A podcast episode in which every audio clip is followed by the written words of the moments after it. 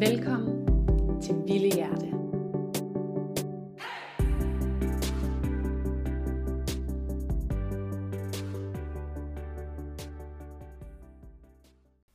Hej alle og velkommen til Vilde Hjerte podcasten. I dag der skal vi snakke om et lidt svært emne, et lidt politisk emne, et meget skrøbeligt emne, nemlig internalized misogyny eller internt kvindehad. Øhm, og det her emne, det lavede jeg en post omkring i sidste uge, som egentlig udsprang fra, at jeg så, hvordan Camilla Sø blev behandlet, ikke kun af mænd, der sendte hende sexistiske beskeder om, at hun skulle bare dø og voldtages, øhm, og hun skulle have lov til at blive kvalt over en pik, og jeg ved ikke hvad. Men også, hvordan hun blev behandlet af kvinder. Hvis du ikke kender baggrunden med Camilla Sø, så er hun politiker og en af initiativtagerne bag hashtagget En blandt os, som er den danske pendant for MeToo. Øhm, Camilla har lavet nogle forskellige interviews og var blandt andet i P1 for at snakke om sexisme inden for politik. Og det var efter den samtale eller det interview, at hun virkelig blev... Ja, hun modtager rigtig mange øh, ubehagelige beskeder fra mænd. Øhm, derefter skrev Berlingeren så om det her interview, og om hvordan hun så i samtalen om sexisme, skønt nok, øh, efterfølgende modtog lige præcis sexistiske beskeder. Øhm, men da Berlinske så slog, øhm, slog denne her artikel op, jeg så det inde på deres Facebook, så var der stadigvæk rigtig mange ubehagelige beskeder fra mænd, som, som bare blev fuldt trop i den Facebook-tråd. Men udover det, så var der så mange beskeder fra så mange kvinder, der synes, at nu måtte hun fandme bare stoppe, og nu skulle vi altså tage os sammen. Øhm, fordi at i 70'erne, der var det altså noget helt andet, og der skulle man fandme bare lære at sige fra, og alting er ikke alle andres skyld. Øhm, og jeg tabte sådan lidt kæben, da jeg læste øh, alle de her beskeder fra kvinder, der, der til synlædende havde det så let ved at hoppe med på mændenes hold og sige, okay, her er der en kvinde, der udtaler, øhm, der udtaler sig om et virkelig, virkelig skrøbeligt og virkelig, virkelig modigt emne, og et virkelig, virkelig vigtigt emne. Det handler om vores liv, det handler om vores tryghed, det handler om vores omgang med hinanden. Så det er jo mega, mega vigtigt, og Camilla har været så modig at stå frem og virkelig prøve at få den her, skabt den her stærke front af kvinder med hashtagget en blandt os. At det så bliver mødt på denne her måde, er jo fuldstændig i min optik, ud over al kritik. Jeg har, øh, som så mange andre af jer måske også har, læst bogen, der hedder Women Don't Owe You Pretty, øh, som er skrevet af en ung øh, feminist i, øh, i London, og jeg tror, at den blev udgivet sidste år i 2020. Men øh, hun er en af de første sådan mere, hvad kan man sige, mainstream forfattere i, i nyere tid, i vores tid, til vores generation, der omtaler det her med intern kvindehad. Og det var faktisk et af de første steder, hvor at jeg sådan læste om, hvad, hvad det egentlig betyder. Øhm, og bare lige en warning, når at du øh, lytter igennem denne her podcast som kvinde, eller hvis du har læst øh, den post, jeg lavede øh, i sidste uge, der hedder intern misogyny, øhm, så er der virkelig mange ting, hvor du vil blive tvunget til at kigge lidt på dine skyggesider, og kigge på din kommunikation i forbindelse med andre kvinder, men især også om andre kvinder. Fordi så snart at vi omtaler andre kvinder på en helt bestemt måde, så omtaler vi også os selv på den helt bestemte måde. Fordi vi er alle sammen på samme hold. Vi er ikke mod hinanden. Og så kan det godt være, at vi ser vidt forskellige ud. Vi har vidt forskellige mål i livet. Vi har, jeg ved ikke, helt forskellige meninger om politik og værdier. Men vi kommer fra det samme. Vi kommer fra det samme. Vi er i den sidste ende på vej det samme sted hen også. Vi er sammen. Og det er ikke noget, vi sådan kan begynde at diskutere sådan, ej okay, menneskeheden, øh, hører vi jo egentlig overhovedet til sammen med hinanden? Det gør vi. Vores mest basale behov, jeg siger det igen og igen, vores mest basale behov som mennesker, det er at føle, at vi hører til. Og her handler det ikke kun om at føle, at man hører til, øh, for eksempel med, med sin kæreste, eller med sin nærmeste familie, eller med, øh, med sin nærmeste sådan, vennegruppe, sin tætte vennegruppe. Det handler også om at føle, at man er en del af et fællesskab, en del af et community, hvor man bevæger sig i nogenlunde samme retning. Man føler sig støttet af noget, der er større end en selv, nemlig det kollektive. Og der er der en helt naturlig øh, kollektiv, eller et helt naturligt fællesskab blandt kønnene. Øhm, problemet er bare, eller det er især opstået i og med, at vi som kvinder er blevet, vi er vokset op i en verden, der er lavet af mænd for mænd. Og hvis vi skal gøre det endnu mere specifikt, så er den lavet for cis-mænd, hvide mænd, hvide mænd, der ejer ting, og er heteroseksuelle. Øhm, og hvis man falder uden for den kategori på en eller flere måder, jamen så, så har man det lidt sværere i livet. Det betyder ikke, at øh, de her mænd, øh, hvide mænd, heteroseksuelle hvide mænd, ikke har haft det hårdt. Det betyder bare, at det, de har haft det hårdt med, ikke har haft noget at gøre med deres køn, eller deres hudfarve, eller deres seksualitet. Øhm, og, og der det bliver lidt tricky, det er jo så, at vi er vokset op i den her verden. Vi er blevet indoktrineret nærmest med militær disciplin om, hvordan en kvinde bør, jeg laver godsøjne her, bør se ud, bør tale, bør opføre sig. Og det kommer fra lige præcis denne her øh, position, hvor at manden er den magtfulde, og så skal kvinden ligesom tilpasse sig derind under. Og man kan godt tænke, hold kæft, det lyder gammeldags det her. Wow, det er patriarkalsk. Det er det. Det er gammeldags, og det er patriarkalsk. Og vi har heldigvis nogle formødre, der gjorde mega, mega hårdt arbejde og kæmpede for, at vi, øh, at vi fik en stemme, at vi også godt måtte gå på arbejde, og at vi også godt måtte gå i jeans, og i hvert fald til en vis grad bestemme over vores egen seksualitet. Der er stadig mange steder rundt omkring i verden, hvor at aborter for eksempel, og, øhm, og hvad kan vi sige, sådan præventionsmidler for kvinder er forbudte eller er enormt begrænsede, så hvor de stadigvæk ikke har autonomi, bestemmelse over deres egen krop. Det er vi så enormt heldige at have, men også kun til en vis grad. Fordi mænd kan stadig kigge på os på gaden, som om, at, at de er dem, der ejer kroppen. Vi kan stadig blive kigget på af hinanden inden for kvindecirklen, inden for kvindefællesskabet, som om, at de andre ejer kroppen. Som om, at de andre må bestemme, hvordan vi ser ud, hvad vi har på, hvad vi siger, for at få lov til at være kvinder. For at få lov til at høre ind under den verden, som vi er blevet op, opvokset i, eller den verden, vi er blevet tilpasset af.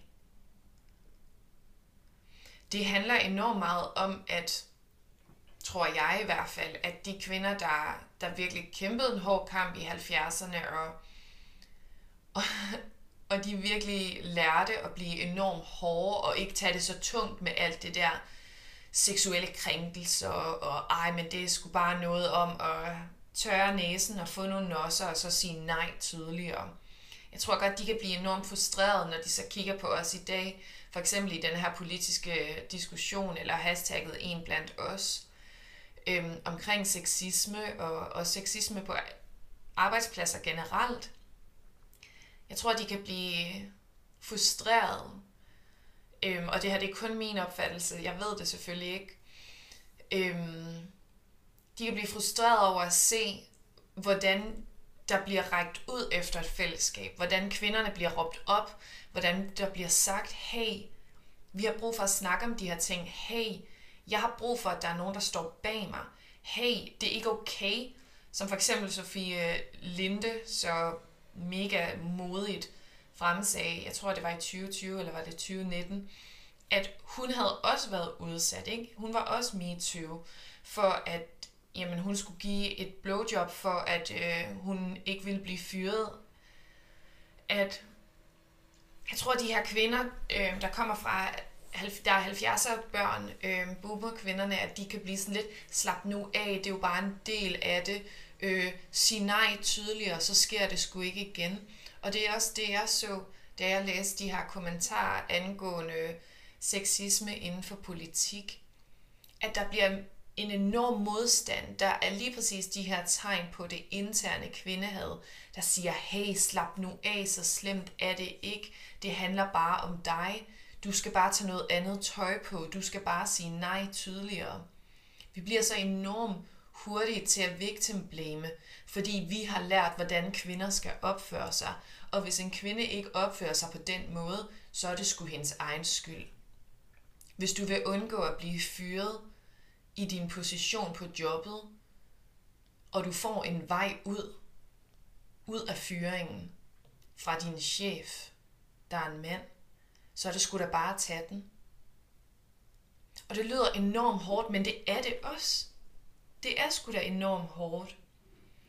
Den interne kvindehader, eller the, intern, the internalized misogyny, det vil lyde sådan, at du skal bare stramme op, øh, få, få dig nogle nos og tør øjnene, øh, fordi det der med sexisme, det er bare en del af livet. Det lærte vi skulle i 70'erne, det har vi skulle lært tidligere, det har vi alle sammen skulle leve med. Nu må vi lade være med at være så sarte. Øh, bare sige nej, tage noget andet tøj på, skub hårdt imod, lad være med at sætte dig selv i de her situationer. Meget victim blaming, ikke? vil vi måske kalde det i dag, at man beskylder offret. Øhm, den interne kvindehader vil, vil søge comfort. Altså hun vil søge sådan, åh oh, ja, okay, nå, men så har jeg det det mindste lidt bedre i andre kvinders fejl.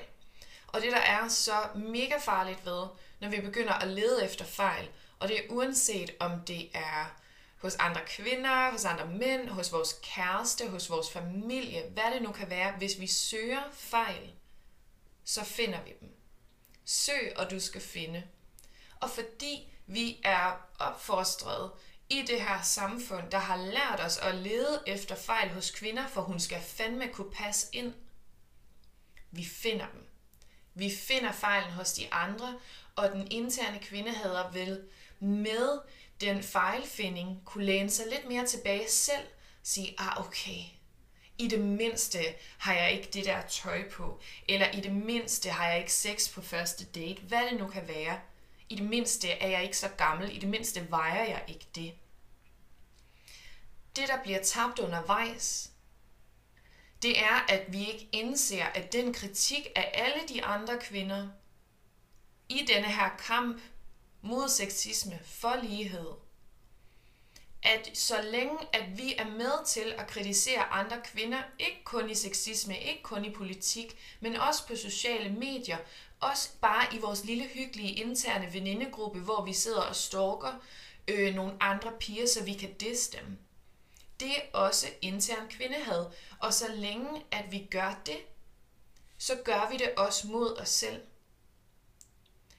Det bedste vi kan gøre i sådan nogle situationer, for at øve os på at have empati, for at øve os på at have medfølelse, for at øve os på at løfte os selv op. Det er der at øve os på at gøre det over for nogle andre, der ser anderledes ud end os. Så hvis vi gerne selv vil have det bedre med vores egen krop, med vores egne valg i livet, med vores eget fællesskab,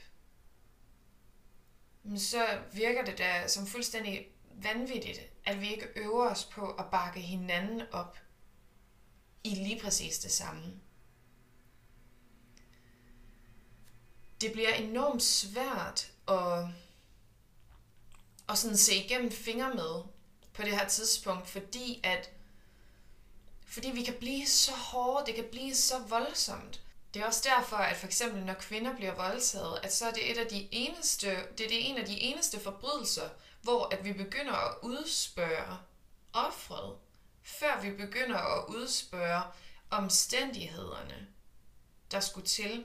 Hvis at der er nogen, der bryder ind i dit hus og stjæler nogle ting, så er det første politiet spørger om, det er jo ikke sådan, ej, men hvorfor har du også købt de ting? Hvorfor har du også sådan en dyr lampe? Det kan du da regne ud, at det kommer ind og bliver stjålet.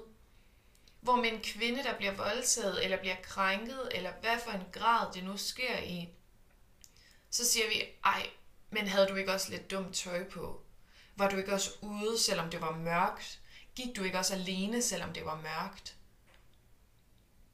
Det bliver så kompliceret, fordi at vi er blevet lært, at det er normalt at finde fejlen hos kvinden. Og det bliver skrøbeligt, fordi at vi som individer næsten ikke tør se os selv i øjnene og sige, okay, men hvad er det, der gør, at jeg ikke bare tør se hende for den, hun er? Er det fordi, hun, hun lever et liv, der i virkeligheden føles som mit? Er det fordi, hun tør sige nogle ord, jeg godt kunne tænke mig at sige? Er det fordi, hun går i noget tøj, jeg i virkeligheden godt kunne tænke mig at gå i? Og når så, at der bliver overskrevet grænser, og kvinder råber om hjælp, kan vi så ikke tage deres hånd og sige, hey, jeg er her for at hjælpe dig? Fordi vi er bange for at, at indse, at den måde, vi opfører os på, er en del af problemet. Fordi vi ikke stiller højere krav. Fordi vi ikke tør gå ind i den politiske snak. Fordi vi bare gerne vil have, at, at tingene er, som de, var, som de plejede. Hvor at du måske, eller en du kender, eller vores bedste mødre, at de måske skulle klare sig igennem tingene alene. Og det var fandme hårdt, så nu er der ikke nogen andre, der fortjener at gøre det på en anden måde. Nu skal vi alle sammen have det hårdt. Og jeg forstår godt den tankegang, det gør jeg faktisk. Fordi som jeg sagde i starten, og som jeg har sagt flere gange, vores mest, vores mest basale behov, det er at høre til. Og jeg tror, at selv i ensomheden, selv i frustrationen, selv i krænkelserne, der vil vi gerne bare høre til. Der vil vi gerne have, at vi ikke er alene. Så hvis at kvinder nu lige pludselig begynder at få hjælp til deres krænkelser, til voldtægterne, til sexismen på jobbet, så står der måske nogen tilbage og vil føle sig ensom i at skulle have klaret det selv. Og vi er blevet så twistet, at vi så tænker, men så er det fandme bedre, at du heller ikke får hjælp. At du heller ikke får lov til bare at gå ud om aftenen og føle dig tryg. Fordi det kunne jeg aldrig. Og det vil jeg ikke være alene med. Det er for tung en byrde at bære. Så jeg forstår det godt. Jeg forstår godt, hvis det er den tankegang, der sker. At vi bliver jaloux. At vi ikke vil være alene i at have kæmpet kampen selv. At, være, at vi ikke vil være alene i at ikke turde gå den vej, der føles som vores. Så vi kigger i stedet på hinanden og siger, ej, okay, men det der job, hun har fået, det er altså heller ikke, fordi hun er sådan super god til det. Hun har bare været virkelig, virkelig heldig. Men problemet er, når vi bruger den kommunikation, så fortæller vi os selv, at den eneste måde, man kan få det liv, hun har, med x antal følgere, eller det her job, eller den her familie, den her krop, hvad det nu er, vi ser os skinsyge på hos hinanden.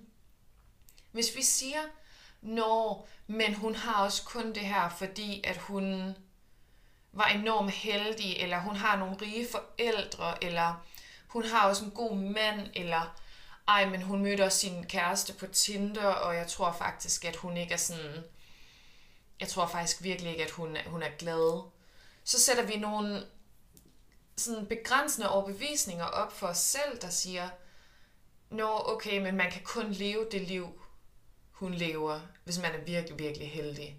Jeg kan kun få lov til at leve det liv, hvis jeg var virkelig, virkelig heldig, eller hvis jeg havde nogle rige forældre, eller hvis jeg havde mødt min kæreste øh, online, eller hvad det nu kunne være. Vi leder efter fejlene, og vi finder dem. Men i stedet for, som vi måske tror i øjeblikket, at det er kun en kritik rettet mod hende, og hendes, så er det også en kritik rettet ind mod os selv.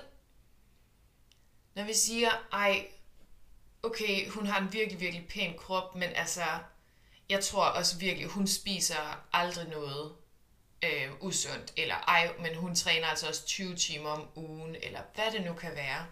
Så fortæller vi også os selv, hey, okay, så længe du ikke træner 20 timer om ugen, eller så længe at hvad det nu kan være, så, så længe at du ikke har været tidligere professionel gymnast, så kommer du altså heller aldrig til at se sådan her ud. Så kommer du heller aldrig til at have det godt med din krop.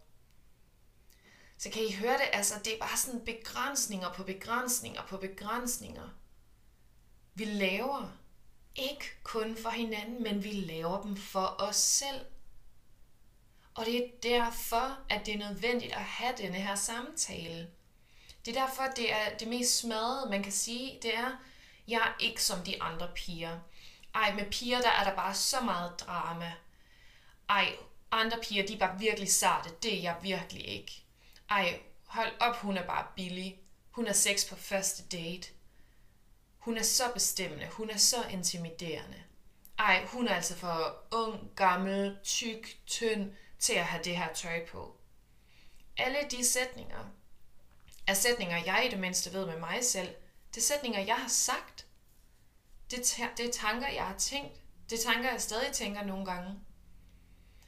Men jeg og vi, hvis vi har lyst til at få denne her frihed, som blandt andre Camilla Sø kæmper for publicly, for at vi kan få, så bliver vi nødt til også at bakke op indenfra, inden fra det fællesskab, der er vores. Og så kan det godt være, at man synes, at man ikke er som de andre piger, men på en eller anden måde og et eller andet sted, så er vi præcis som de andre piger. Vi er præcis som dem, og de er præcis som os. Og vi har alle muligheder i verden for at kunne få det godt med vores egen krop, præcis som den ser ud nu. Kunne gå i lige nøjagtigt det tøj, som vi har lyst til. Men det bliver enormt hårdt, når selv noget af den modstand, vi møder, kommer indenfra. Det bliver enormt hårdt at kæmpe imod, for som sagt, vi vil bare gerne høre til. Og det bliver så enormt, altså det bliver sådan helt mindblowing at prøve at finde rundt i, ikke? Fordi at vi, vi tager hinanden ned, hvis at vi er for feminine. Sådan hvis vi har de her traditionelle feminine værdier. Hvis en øh, kvinde måske gerne vil gå hjemme, hvis hun godt kan lide lyserød, det kan jeg for eksempel selv godt, hvis hun godt kan lide lyserød, hvis hun godt kan lide at, øh, at, at være lille i sit udtryk, i sin stemmeføring, øh, hvad det nu kan være, alle de her sådan, traditionelle feminine værdier, så tager vi en kvinde ned, fordi det er sådan, ej okay, hvorfor kæmper du ikke noget mere imod? Hvorfor får du ikke nogen nosser? Hvorfor råber du ikke højere? Hvorfor kommer du ikke ud på arbejdsmarkedet? Så allerede der, det er svært. Det er svært i dag at bare få lov til egentlig at være den type kvinde, man måske har lyst til at være. Ikke? I den modsatte retning, der får man også at vide, hvis man er sådan lidt for maskulin i forhold til de traditionelle eller fucking gammeldags, lad os bare kalde dem det, maskuline værdier. Hvis man er forsørgeren i hjemmet, hvis man har tatoveringer, mange tatoveringer, hvis man banner meget, hvad det nu kan være, så er det sådan, ej, men en kvinde, øh, der er så pæn som hende, ej, hun burde virkelig ikke tale så grimt. Eller også så er det den der intimidering i forhold til, at okay, hun er virkelig, hun, er, hun virker som om, hun har styr på sit shit. Hun går på et job, hun går efter karrieren, hun har ikke lyst til at få børn. Hvad det nu kunne være. Og ikke at det er en kategori for sig, man må mixe og matche præcis som man vil. Men hvis vi nu siger det her med, at der er en kvinde, der ikke har lyst til at få børn, så bliver det også sådan hurtigt frowned upon, fordi så er det sådan, ej okay, hvorfor har du de her maskuline værdier, eller hvorfor kan du godt lide at have sex, øh, hvorfor kan du godt lide at have mange forskellige sexpartnere, hvad det nu kan være, så er det også et problem. Så er du heller ikke kvinde øh, nok på den rigtige måde. Det bliver umuligt at være kvinde, Fordi går man den ene retning, så er det forkert. Går man den anden retning, så er det forkert.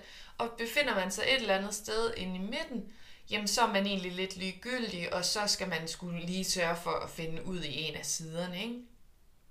Jeg ved ikke, hvad det er, der har gjort, at vi ikke har fået stoppet op undervejs og tænkt, måske jeg ikke burde tale sådan her om mine søstre. Måske det, at jeg taler sådan her om dem, også betyder, at jeg taler sådan om mig selv.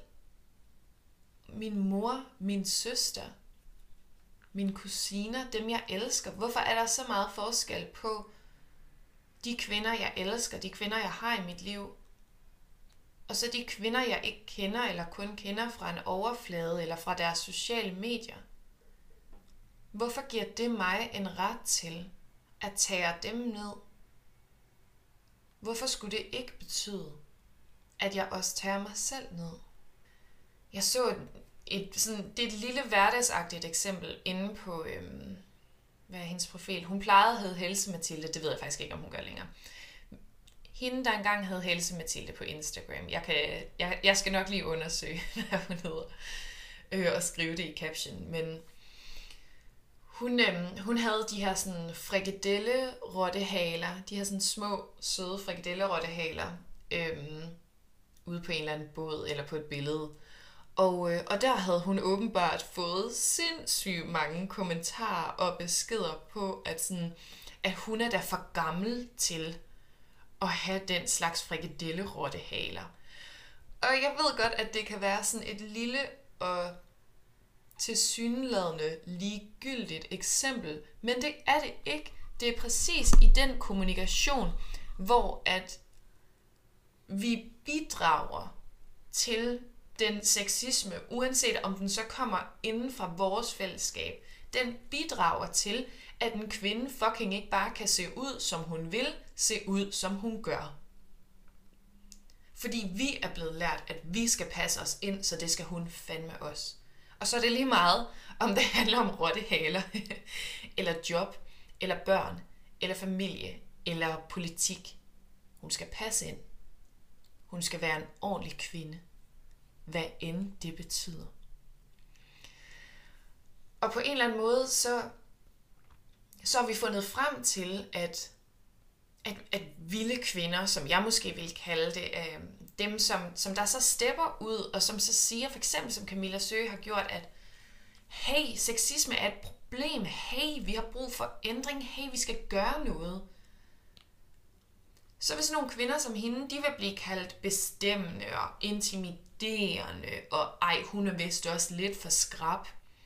Kæft mand, hvis jeg havde fået en krone for hver gang, jeg er blevet kaldt for intimiderende, både af kvinder og mænd, igennem mit liv, så havde jeg altså ikke behøvet at tage det SU-lån, jeg har i dag.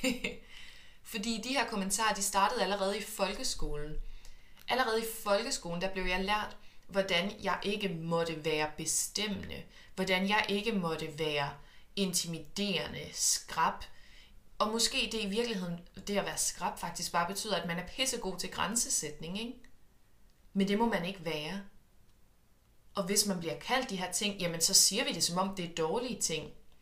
I stedet for i virkeligheden fucking at praise de kvinder, der er bestemmende og intimiderende. Hold kæft, hvor er det vigtigt, at vi har nogle kvinder, der tør bruge deres stemme, uanset hvordan de bruger den, ikke? Det er sgu ikke en dårlig ting. Men det har vi lært, at det er. Fordi vi har lært, at når men det er maskuline værdier, og det er der heller ikke plads til. Det må du heller ikke gøre som kvinde. Jeg kunne godt tænke mig at, at runde den lidt af her med, hvad, hvad vi kan gøre. Hvad så nu? Nu har du lige fået smidt alt det her information lige i hovedet, og det kan godt være enormt overvældende.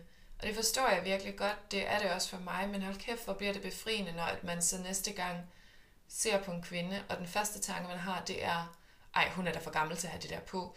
Men så tør prøve igen, og sige, hey, hov, hvorfor synes jeg det? Dømmer jeg hende? Dømmer jeg mig selv? Hun kan gå i lige det, hun fucking vil. Ikke? Altså, så det kommer til at handle meget om det her med at blive bevidst om de tanker, vi har. Og den eneste måde, vi bliver bevidst om de tanker, vi har omkring et emne, det er at søge information og læse om tingene og lytte til tingene. Det gør du allerede. You're doing great. Øhm, og så tillade os selv at prøve igen.